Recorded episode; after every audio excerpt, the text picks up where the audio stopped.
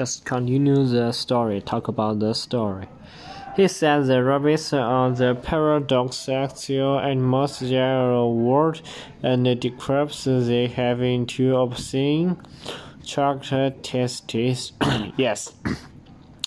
We think of them as a child, yes, uh, wild, wild, maybe a trickster. trickster, some of the deceivers people to get what they want, like Peter what a cherry rabbit.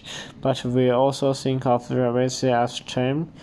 We have numerous remedies about them. Kids have soft candy uh, toys. I, I say that they are perfect simple of for Easter. Okay, Rob, if you say too.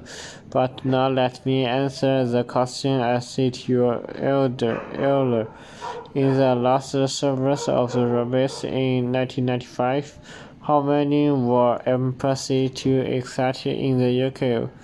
Uh, Rob, what do you say? I said B. 3,750 million. Oh, thousand. Well, you're, you're wrong, Rob. Our government Thursday put the population in the UK at 35.5, 37.5 million, so less more. But uh, the crab is a revolution. A recent survey suggests rabbit rabbits number in the UK have decided by around 60% on over the last 20 years. That's uh, sad news.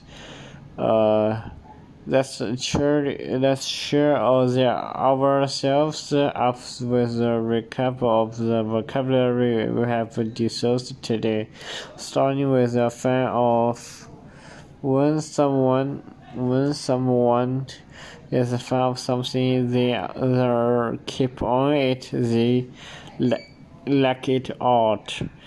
Uh, if you are not fan of something, you don't like it.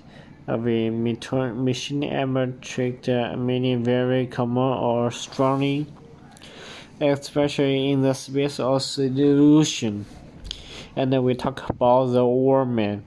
Uh, the underground era where rabbits live, but also a building or part of the town where there are lots of the confusing passageways or streets where where it is easy to say it and but easy to get lost.